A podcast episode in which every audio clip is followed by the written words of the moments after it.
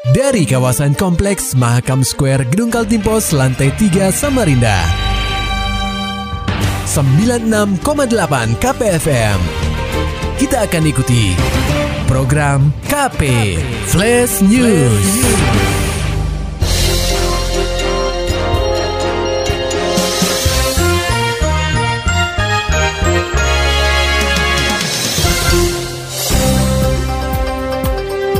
Ditahan KPK Bupati Kutim dan istrinya jadi tersangka kasus dugaan korupsi.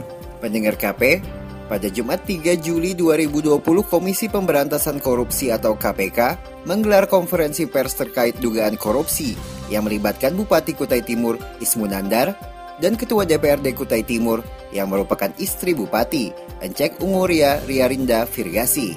Kegiatan berlangsung di Gedung Merah Putih KPK, Jakarta. Rilis yang dilaporkan lembaga anti rasuah itu juga disiarkan langsung di kanal YouTube KPK RI. Tiga petinggi KPK menyampaikan perkara yang menjerat orang nomor satu di Kutai Timur tersebut. Mereka adalah Wakil Ketua KPK Nawawi Pomolango, juru bicara KPK Arif Fikri, dan Deputi Penindakan KPK Karyoto. Selain pasangan suami istri itu, KPK juga menahan tiga kepala dinas di lingkungan Pemkap Kutai Timur dan dua orang lainnya. Dalam penjelasan Nawawi, Penangkapan tersangka bermula dari laporan masyarakat terkait dugaan bakal terjadi tindak pidana korupsi. Pemeriksaan berlangsung pada Kamis 2 Juli 2020. Tim KPK beroperasi di Jakarta dan Sangatta. Berikut keterangan Wakil Ketua KPK Nawawi Pomulango. Perihal adanya dugaan akan terjadinya tindak pidana korupsi, selanjutnya pada hari Kamis tanggal 2 Juli 2020, tim KPK bergerak dan menjadi dua tim, membagi menjadi dua tim di area Jakarta, Sangatta, di kota Kutai Timur ini, untuk menindaklanjuti laporan dimaksud. Penahanan Ismunandar dan istrinya oleh KPK ini berlaku untuk 20 hari ke depan. Sejak ditetapkan sebagai tersangka, mereka dijebloskan lantaran dugaan suap terkait pembangunan infrastruktur di Kutai Timur. KPFM Samarinda, Maulani Al-Amin melaporkan. Sementara itu pendengar KPFM, perusahaan umum daerah atau Perusda jadi salah satu sorotan DPRD Kaltim. Wakil Ketua DPRD Kaltim Muhammad Samsun mengatakan, perlu dilakukan evaluasi Perusda yang minim dari segi kinerja. Sehingga apa yang sudah diinvestasikan oleh pemerintah Provinsi Kaltim terhadap hasil dari Perusda tersebut berbanding terbalik. Samsun menegaskan saat ini banyak Perusda patut dikoreksi. Banyak sekali Perusda-Perusda yang dikatakan mandul ya atau perusda-perusda yang tidak memberikan hasil apa pun ini patut untuk kita koreksi. Tadi bahkan ada yang lebih tegas lagi untuk dibubarkan ya, ya praksi P3. untuk dibubarkan. Ya tidak menutup kemungkinan kalau memang sudah tidak menghasilkan apa pun ngapain lagi? Nggak ada kinerjanya juga. Sementara itu saat ditemui usai rapat paripurna di gedung DPRD Kaltim Jumat pekan lalu, Wakil Gubernur Kaltim Hadi Mulyadi menyebutkan pihaknya akan segera mengevaluasi Perusda lantaran kinerja Perusda tersebut yang menjadi keluhannya selama ini. Kita akan evaluasi seluruh Perusda. Dan memang apa yang disampaikan itu juga yang saya keluhkan selama ini. Eh, Perusda ini belum transparan dan belum memberikan uh, hasil yang positif, konstruktif untuk Kalimantan Timur. Wagub Kaltim Hadi Mulyadi menegaskan terkait pengurangan atau penambahan Perusda bakal dilakukan berdasarkan hasil evaluasi. Beralih ke berita selanjutnya, tenaga kesehatan atau nakes yang menangani COVID-19 di Kutai Kartanegara telah menerima insentif penanganan COVID-19. Hal ini diungkapkan oleh juru bicara gugus tugas percepatan penanganan COVID-19, Dr. Martina Yulianti. Yulianti menjelaskan sebanyak 2018 nakes yang tersebar di Kukar telah menerima insentif dengan nilai yang bervariasi. Insentif yang diterima nakes sesuai dengan kinerja yang dilakukan selama penanganan COVID-19 yakni tiga bulan Maret, April, dan Mei. Dr. Martina Yulianti mengatakan insentif paling besar yang diberikan kepada nakes yakni 9 juta rupiah yang diterima oleh spesialis. Adapun besar anggaran yang digelontorkan untuk 2018 nakes selama 3 bulan ini mencapai 9 miliar rupiah dengan menggunakan anggaran pendapatan dan belanja daerah atau APBD. Yang memang e, berkecimpung yang selama ini bertugas untuk penanganan COVID-19 di Kutai Kartanegara itu uh, menerima haknya uh, yang besarannya sesuai dengan kinerja sesuai dengan kinerja masing-masing nakes tersebut dan sesuai dengan jumlah pasien yang ditangani. Dr. Martina Yulianti menuturkan anggaran dari pemerintah pusat tidak mampu mengakomodir seluruh nakes yang terlibat menangani COVID-19, sehingga pihaknya menggunakan APBD untuk mengakomodir nakes yang tidak diakomodir oleh pemerintah pusat. Beralih ke dunia olahraga, meski kota Samarinda sudah memasuki fase relaksasi ketiga, namun tak serta-merta kegiatan olahraga bisa kembali normal. Tim sepak bola Kaltim hingga saat ini masih melakoni latihan di rumah masing-masing sesuai program yang diberikan tim pelatih. Rahmat Hidayat, pelatih tim sepak bola Pon Kaltim menjelaskan hingga saat ini program latihan masih berjalan seperti biasa. Latihan dilakukan pagi dan sore program latihan tetap jalan seperti biasa cuman kita melalui program virtual itu kita kasih program mereka jalankan uh, pagi dan sore mereka ngasih video nanti Rahmat melanjutkan sebenarnya tim Ponkal Tim sudah tak sabar untuk bisa berlatih bersama. Diakuinya, pemain merasakan kebosanan karena hanya berlatih fisik secara individu. Oh iya pasti, kemarin kita kasih latihan ini latihan teknik gitu kan dia menjalankan sendiri selama berapa bulan kan pasti mereka bosan hmm. hmm, artinya terus ada kita kasih kelonggaran mereka bisa main game bersama temannya biar tidak bosan kita antisipasi itu sebetulnya sudah Dihubungi secara terpisah, Direktur Teknik Asprof PSSI Kaltim M. Ida mengatakan Pihaknya menggelar rapat membahas persiapan tim selanjutnya. Tim pelatih, ujar Idam menginginkan ada 1 sampai 3 hari bagi tim pelatih untuk latihan bersama, khususnya menggelar tes fisik internal.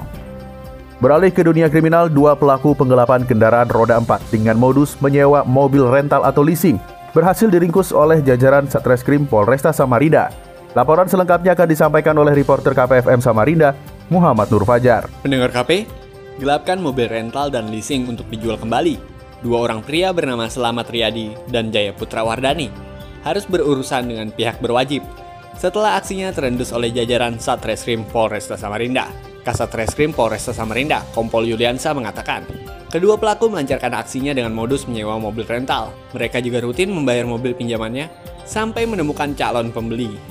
Modus mereka menyewa dulu, menyewa Ketika sudah sehari bayar atau dua kali bayar, diperpanjang lagi. Ketika mobil itu sudah ada peminatnya, lempar. Ya, jadi selama itu peminat belum ada, mereka tetap melanjutkan pembayaran, entah itu leasing ataupun e, sewa tersebut. Ketika nanti mereka sudah niat jahat untuk mengamankan itu mobil, ketika mereka sudah nyewa, mereka mulai memasarkan ke, ke jaringannya. Yulian Syah menerangkan, dari tangan kedua pelaku, Pihaknya berhasil mengamankan tiga unit mobil yakni Daihatsu Terios, Toyota Avanza, dan Honda Jazz, di mana barang tersebut telah dijual ke luar Samarinda. Selain itu, masih ada dua barang bukti mobil lain yang masih dalam pencarian oleh Satreskrim Polresta Samarinda. Sementara yang sudah kita amankan tiga unit kendaraan yang ada di belakang rekan-rekan semua. Ada Terios satu unit, uh, Avanza satu unit, dan juga ada Honda Jazz satu unit kemungkinan kita akan mengembangkan masih ada unit-unit yang lainnya yang sudah termonitor oleh kita dua unit. Ada di luar kota Samarinda. Tapi dalam waktu dekat kita akan juga mengamankan dua unit tersebut. Menurut Yuliansyah kedua pelaku mematok harga 15 sampai 30 juta rupiah untuk satu unit mobil hasil curiannya. Plat kendaraan dan surat tanda nomor kendaraan atau STNK pun turut dirubah agar tidak dapat terdeteksi oleh polisi dan pemilik rental. Avanza 15 juta kalau Terios itu 30. Oh lebih mahal Terios daripada Avanza ya. Kalau Jazz itu 18, 18 juta. Bisa rekan-rekan bayangkan harga sangat jauh murah. Tapi ketika dibeli hadiahnya ya diamankan oleh kepolisian. Ya. Itulah tadi harga-harga pasaran dari jadi kalau rekan-rekan ada yang menawarkan kendaraan dengan harga segitu, rekan-rekan atau masyarakat patut mencurigai. Dan ingat, ketika ada jual beli tanpa dilengkapi oleh surat-surat itu sudah patut dapat diduga barang tersebut adalah hasil kejahatan. Yuliansyah menyebutkan, pelaku atas nama Selamat Riyadi ini memang sudah berkali-kali melakukan penggelapan kendaraan roda 4. Dari pengakuan pelaku, uang hasil penjualan digunakannya untuk memenuhi kebutuhan sehari-hari. Kalau sudah seperti ini antara yang membeli apa pelaku dengan yang membeli juga sudah mengerti. Bahkan rata-rata pembeli pun memintanya carikan saya mobil kosong ada pesanan itu Yang si Walau Selamat ini memang sudah spesialis. Di sini baru tiga kali yang kita uh, akui di kita, cuman kalau kita sudah mendengar track recordnya, memang Selamat ini spesialis pelaku apa namanya ya, penggelapan ya, penggelapan R4 ini. Akibat perbuatannya, kedua pelaku akan dijerat dengan pasal 372 KUHP tentang penggelapan dengan ancaman kurungan maksimal 4 tahun penjara. KPFM Samarinda, Muhammad Nur Fajar melaporkan. Pendengar KP, dunia malam di kota tepian mulai bergairah pasca penerapan fase relaksasi secara bertahap. Meski sempat tidak beroperasi selama tiga bulan akibat pandemi COVID-19, kini satu persatu tempat hiburan malam atau THM mulai diperkenankan untuk beroperasi dengan beberapa persyaratan yang cukup ketat. General Manager Celsius Samarinda, Eka Iskandar Putra menuturkan, Sesuai aturan yang dicantumkan oleh tim gugus tugas, manajemen THM wajib menerapkan protokol kesehatan dan melakukan uji swab kepada seluruh pegawainya sebelum mulai beroperasi.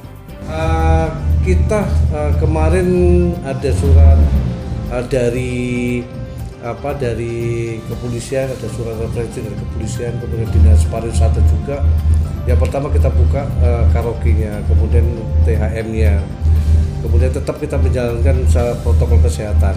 Satu mulai dari depan. Eh, yang pertama kita swab dulu eh, apa karyawannya. Ada swab ada rapid. Kemudian eh, protokol kesehatan kita mulai dari depan. Setiap eh, karyawan masuk tetap kita periksa suhu, suhu badan mereka. Kalau di atas 38 tidak boleh masuk. Itu sudah pasti itu untuk karyawannya Iskandar, sapaan akrabnya menyebutkan selain menerapkan protokol kesehatan, pihaknya juga menerapkan pembatasan pengunjung, baik di tempat karaoke maupun di hall. Untuk karaoke sendiri, Iskandar membatasi hanya lima pengunjung. Sama halnya dengan karaoke, untuk hall sendiri hanya diperbolehkan menampung setengah dari kapasitas, di mana yang dulunya bisa sampai 500 pengunjung, kini hanya bisa diisi oleh 250 orang saja.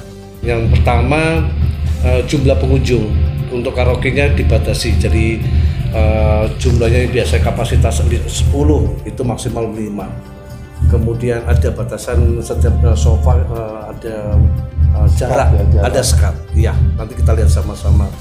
Kemudian di hall juga gitu. Jadi biasanya jumlahnya katakanlah mungkin 500 kapasitas hallnya kita separuhnya. Jadi begitu udah udah, udah jatahnya kita udah anu sudah terpenuhi pintu tutup kemudian jam operation kita batasi Begitu juga dengan acara yang mengundang artis dan disc joki atau DJ dari kota lain. Iskandar dengan tegas tidak akan menggelar kegiatan tersebut untuk sementara waktu sampai kondisinya benar-benar pulih. Oleh karena itu, pihaknya memanfaatkan talent yang ada di Samarinda untuk mengisi hiburan di THM tempatnya bekerja. Uh, semua talent itu kalau yang di apa uh, Samarinda kita harus ada uh, apa ada rapid test kemudian ada swabnya juga itu. Enggak masih belum perlu semuanya pak. Jadi masih apa masih ada beberapa yang belum kita panggil. Contohnya uh, talent talent yang kayak DJ Dak dulu pak. Kemudian event-event kayak semacam DJ artis itu tidak sama sekali jadi untuk sementara kita manfaatkan yang dari Samarinda dulu. Sejauh ini, Iskandar mengatakan pengunjung yang datang ke tempatnya hanya berasal dari Samarinda dan Balikpapan. Mereka yang mengunjungi THM pun diminta untuk menunjukkan kartu tanda penduduk atau KTP sebagai data harian yang akan diserahkan kepada Polresta Samarinda dan Dinas Pariwisata Samarinda. Gini, kalau pengunjung tadi itu dari sisi karyawannya. Kalau pengunjung tetap satu pengecekan suhu badan, yang kedua uh, cuci tangan dulu pakai hand sanitizer. Kemudian kalau mereka kita minta KTP hmm. KTP kalau identitas ini kita recap setiap hari kita report ke uh, dinas pariwisata sama di uh, kepolisian pak. Itu. Tanpa mereka kalau satu misal mereka tidak menunjukkan identitas kita nggak mau terima. Hmm. gitu ya kalau pengunjung dari luar kota pak? Uh, sementara belum ada. Belum ada, pak, ya? belum ada kayaknya. Hmm. hanya uh, sebatas Samarinda aja, Balikpapan Samarinda. Lebih jauh, jika dilihat dari jumlah pengunjung yang datang, belum banyak dari mereka yang menyambangi THM di kota tepian. Meskipun begitu, Iskandar berharap agar semuanya bisa pulih kembali, agar aktivitas perekonomian bisa bergeliat kembali. Pendengar KP, pemerintah mengumumkan data terbaru pasien virus corona atau COVID-19 pada Senin 6 Juli 2020. Terjadi penambahan 13 kasus positif. Selain itu ada juga penambahan kasus sembuh dan meninggal dunia. Juru bicara gugus tugas percepatan penanganan COVID-19 Kaltim Andi Muhammad Ishak mengatakan, sebaran kasus virus corona ada di Balikpapan 10 kasus, sementara Kutai Kartanegara dan Kutai Timur serta Penajam Pasir Utara masing-masing satu kasus. Dari total kasus terkonfirmasi positif hari ini terdapat satu pasien yang meninggal dunia. Pasien adalah BPN 230, laki-laki 53 tahun yang dirawat di RSUD Kanujoso, Jatiwibowo. Nah, berdasarkan dari hasil pemeriksaan laboratorium dari kasus-kasus yang diperiksa pada ini dapat kami laporkan bahwa ada penambahan sebanyak 13 kasus positif terkonfirmasi COVID-19 pada hari ini sehingga total kasus yang terkonfirmasi hingga hari ini berjumlah 597 kasus.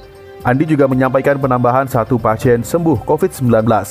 Pasien berjenis kelamin laki-laki berusia 2 tahun yang dirawat di Wisma Atlet Kutai Kartanegara sejak 23 Mei 2020. Pada hari ini kami laporkan pula ada uh, kasus sembuh dari COVID-19 uh, eh, sebanyak satu kasus dari Samarinda yaitu SMD 41 laki-laki 2 tahun yang merupakan kasus yang telah dirawat di Wisma Atlet Kutai Kartanegara sejak tanggal 23 Mei 2020. Dengan demikian, total pasien COVID-19 benua etam ada 597 kasus. Pasien sembuh ada 436 orang dan meninggal dunia 9 orang. Sedangkan pasien yang masih dalam perawatan ada 152 orang. Berita selanjutnya, relokasi bangunan milik warga yang tinggal di bantaran Sungai Karangmumus atau SKN segmen belakang Pasar Segiri akan dilaksanakan pada Selasa besok. Menurut Wali Kota Samarinda Sarijaang, langkah yang diambil Pemkot Samarinda ini merupakan kepentingan pembangunan di kota tepian. Dia juga memastikan kebijakan ini telah melalui proses yang berlaku. Tidak ada masalah lah, itu kan bukan penertiban. Itu kan menempatkan tanahnya pemerintah kota. Jadi besok itu ya sudah kan udah dikasih waktu untuk pindah. Jadi besok itu ya tapi mereka masih bertahan tuh Pak? Oh enggak ada, enggak ada ini bertahan kenapa? Itu kan mereka kan sudah ada santunan. Iya.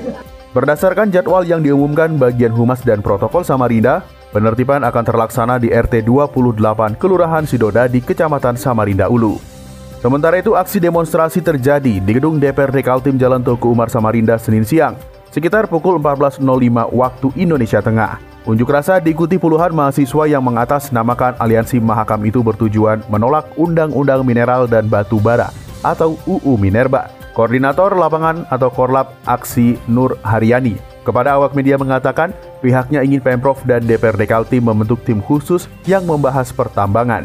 Tim itu harus melibatkan masyarakat dan mahasiswa, sehingga apa pun yang dibahas bisa jelas dan transparan persoalan satgas yang melibatkan mahasiswa dan masyarakat itu sebenarnya kami betul tidak bisa percaya 100% karena beberapa kali bahkan kita bisa melihat pihak Polda bahkan hingga tatanan kota Samarinda eh, Polresta itu juga sudah membuat yang namanya satgas tambang. Tapi lagi-lagi tidak ada progres, tidak ada kerja-kerja yang konkret berkaitan dengan satgas tambang yang ada di Kalimantan terkhususnya. Bahkan hari ini kalau kita bisa lihat Dinas ESDM itu memiliki inspektorat tambang yang sudah seharusnya menjalankan tugasnya dengan baik. Namun lagi-lagi kita tidak mendapatkan hasil yang maksimal, hasil yang baik bagi masyarakat seperti itu. Diinformasikan, demonstrasi menolak Undang-Undang Minerba yang dilaksanakan kelompok mahasiswa bernama Aliansi Mahakam ini sempat diwarnai aksi bakar ban dan berusaha masuk ke dalam gedung DPRD Kaltim. Maulani Alamin, Muhammad Nur Fajar, KPFM Samarinda. Serta dapatkan berita-berita selengkapnya di www.968kpfm.co.id. Demikian tadi telah kita simak rangkaian berita-berita yang terangkum dalam program KP Flash News. Persembahan dari 96,8 KPFM. Terima kasih dan sampai jumpa.